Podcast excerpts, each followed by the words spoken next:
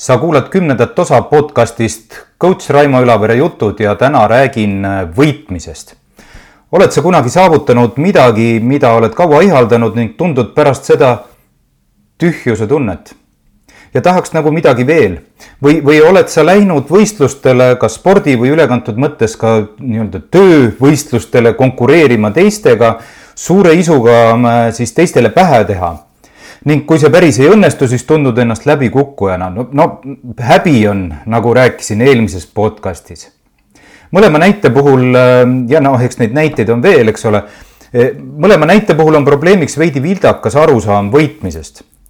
võitu on meil maast madalast seostatud ainult ühega, et teist, kuidas ma olen teistest parem ja seda kultiveeritakse koolides, meil on äh, hulk edetabeleid, seda kultiveeritakse tööl, ka seal on edetabelid ja äh, kahetsusväärselt seda propageeritakse ka kodudes päris palju.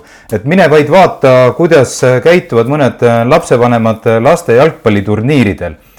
noh, mõni aeg tagasi ma lugesin kuskilt, et seal olla isegi lapsevanemad omavahel kättpidi kokku läinud, et kui ma teistest parem pole, kui minu laps teistest parem pole, siis ta ei ole võitja, siis mina pole võitja. ja see mõtteviis võitmisest on pehmelt öeldes pealiskaudne ja võimendatuna paradoksaalselt tegelikult ka kahjulik, sest see ei pruugi välja tuua meist äh, seda potentsiaali, milleks me päriselt võimelised oleme. ja ma räägin siin mis tahes valdkonnast, mitte ainult spordist. ja nii sageli äh, jääb ka formaalselt, ka, ka nii-öelda traditsioonilises mõttes teistega konkurentsis olles võit saavutamata, rääkimata siis enda sisemisest võidutundest niisiis pakun siia kõrvale võib-olla ka asemele teise tõlgenduse võitmisest ehk mis siis on võitmine? no esmapilgul vaadates tundub ikka veidi rumal küsimus, eks ole, loomulikult nagu ma ütlesin, kui teistest parem oled, siis sa oled võitja, kui sa oled esimene, siis sa oled võitja.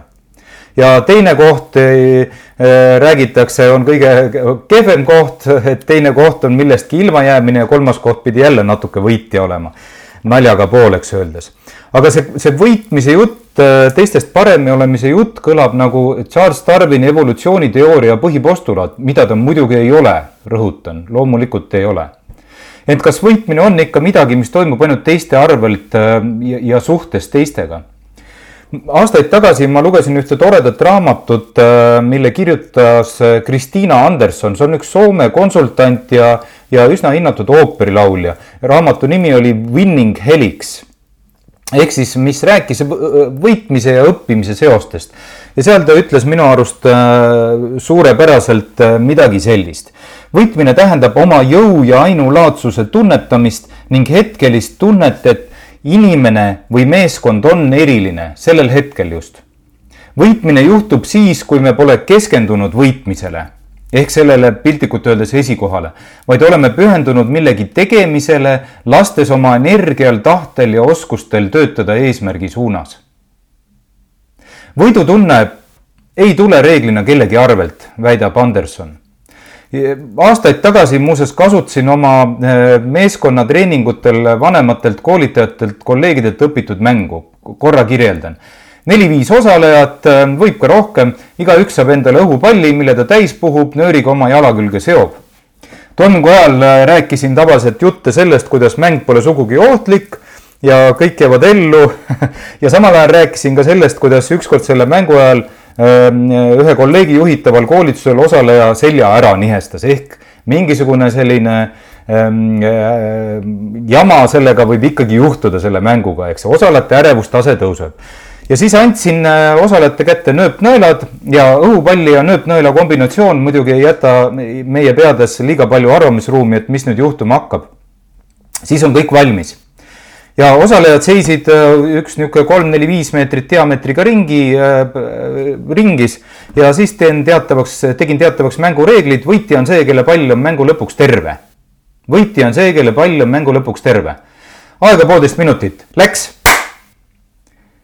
ja reeglina läks äh, lahti pöörane tagaajamine, üksteise pallide torkimine ning mäng lõppes tavaliselt äh, noh, maksimum kolmkümmend sekundit.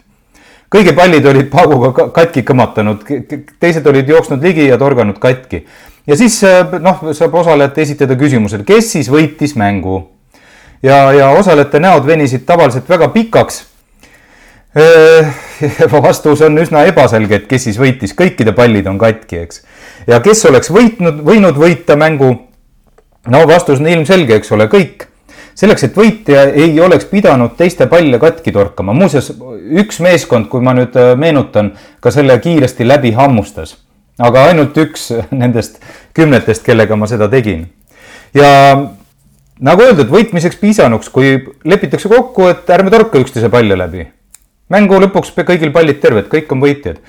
ja, ja mul üks eh, hea kolleeg nimetas neid kunagi eh, kaheks vastandlikuks mõtteviisiks, üks on küllus ja teine defitsiit, et esimene lähtub ideest, et, et võitude arv on lõpmatu, igaüks võib samas nii-öelda tehingus olukorras võistlustel äh, mis iganes situatsioonis äh, olla võitja. teine aga tõukub ideest, et võitude arv on piiratud ning see käib win-lose, eks ole, et keegi võidab, siis keegi ka kaotab, eks ainult, võita saab ainult kellegi teise arvelt.